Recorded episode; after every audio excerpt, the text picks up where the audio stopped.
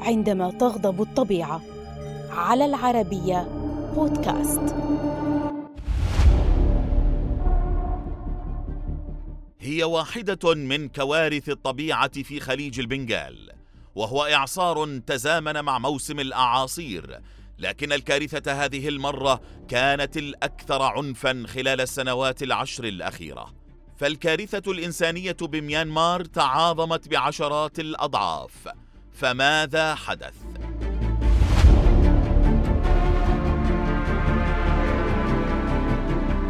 في الرابع عشر من مايو الماضي وصل إعصار موكا إلى خليج البنغال مصحوبا بأمطار غزيرة وعواصف عارمة مع رياح وصلت سرعتها إلى 250 كيلومترا في الساعة ما تسبب بفيضانات واسعة وانهيارات أرضية فتهدمت المنازل وتحطمت قوارب الصيد واقتلعت الأشجار في ميانمار وبنغلاديش.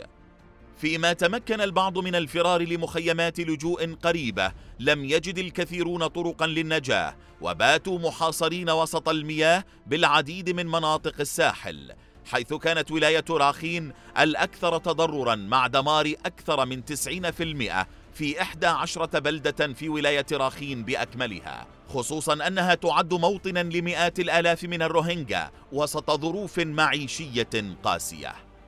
بعد الإعصار كانت جثث الأطفال والنساء المسنات والحوامل ملقاة على الأرض والآلاف ممن تهدمت منازلهم أصبحوا بلا مأوى. كما أصبح أكثر من 500 ألف أسرة بحاجة ماسة إلى الغذاء ومياه الشرب الطارئة في ولاية راخين الشمالية.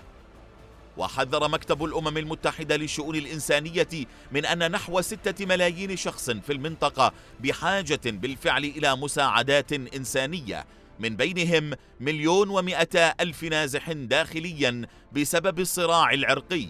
كما تم تدمير آلاف الملاجئ والخدمات والمرافق في المجتمعات البنغلاديشية المجاورة.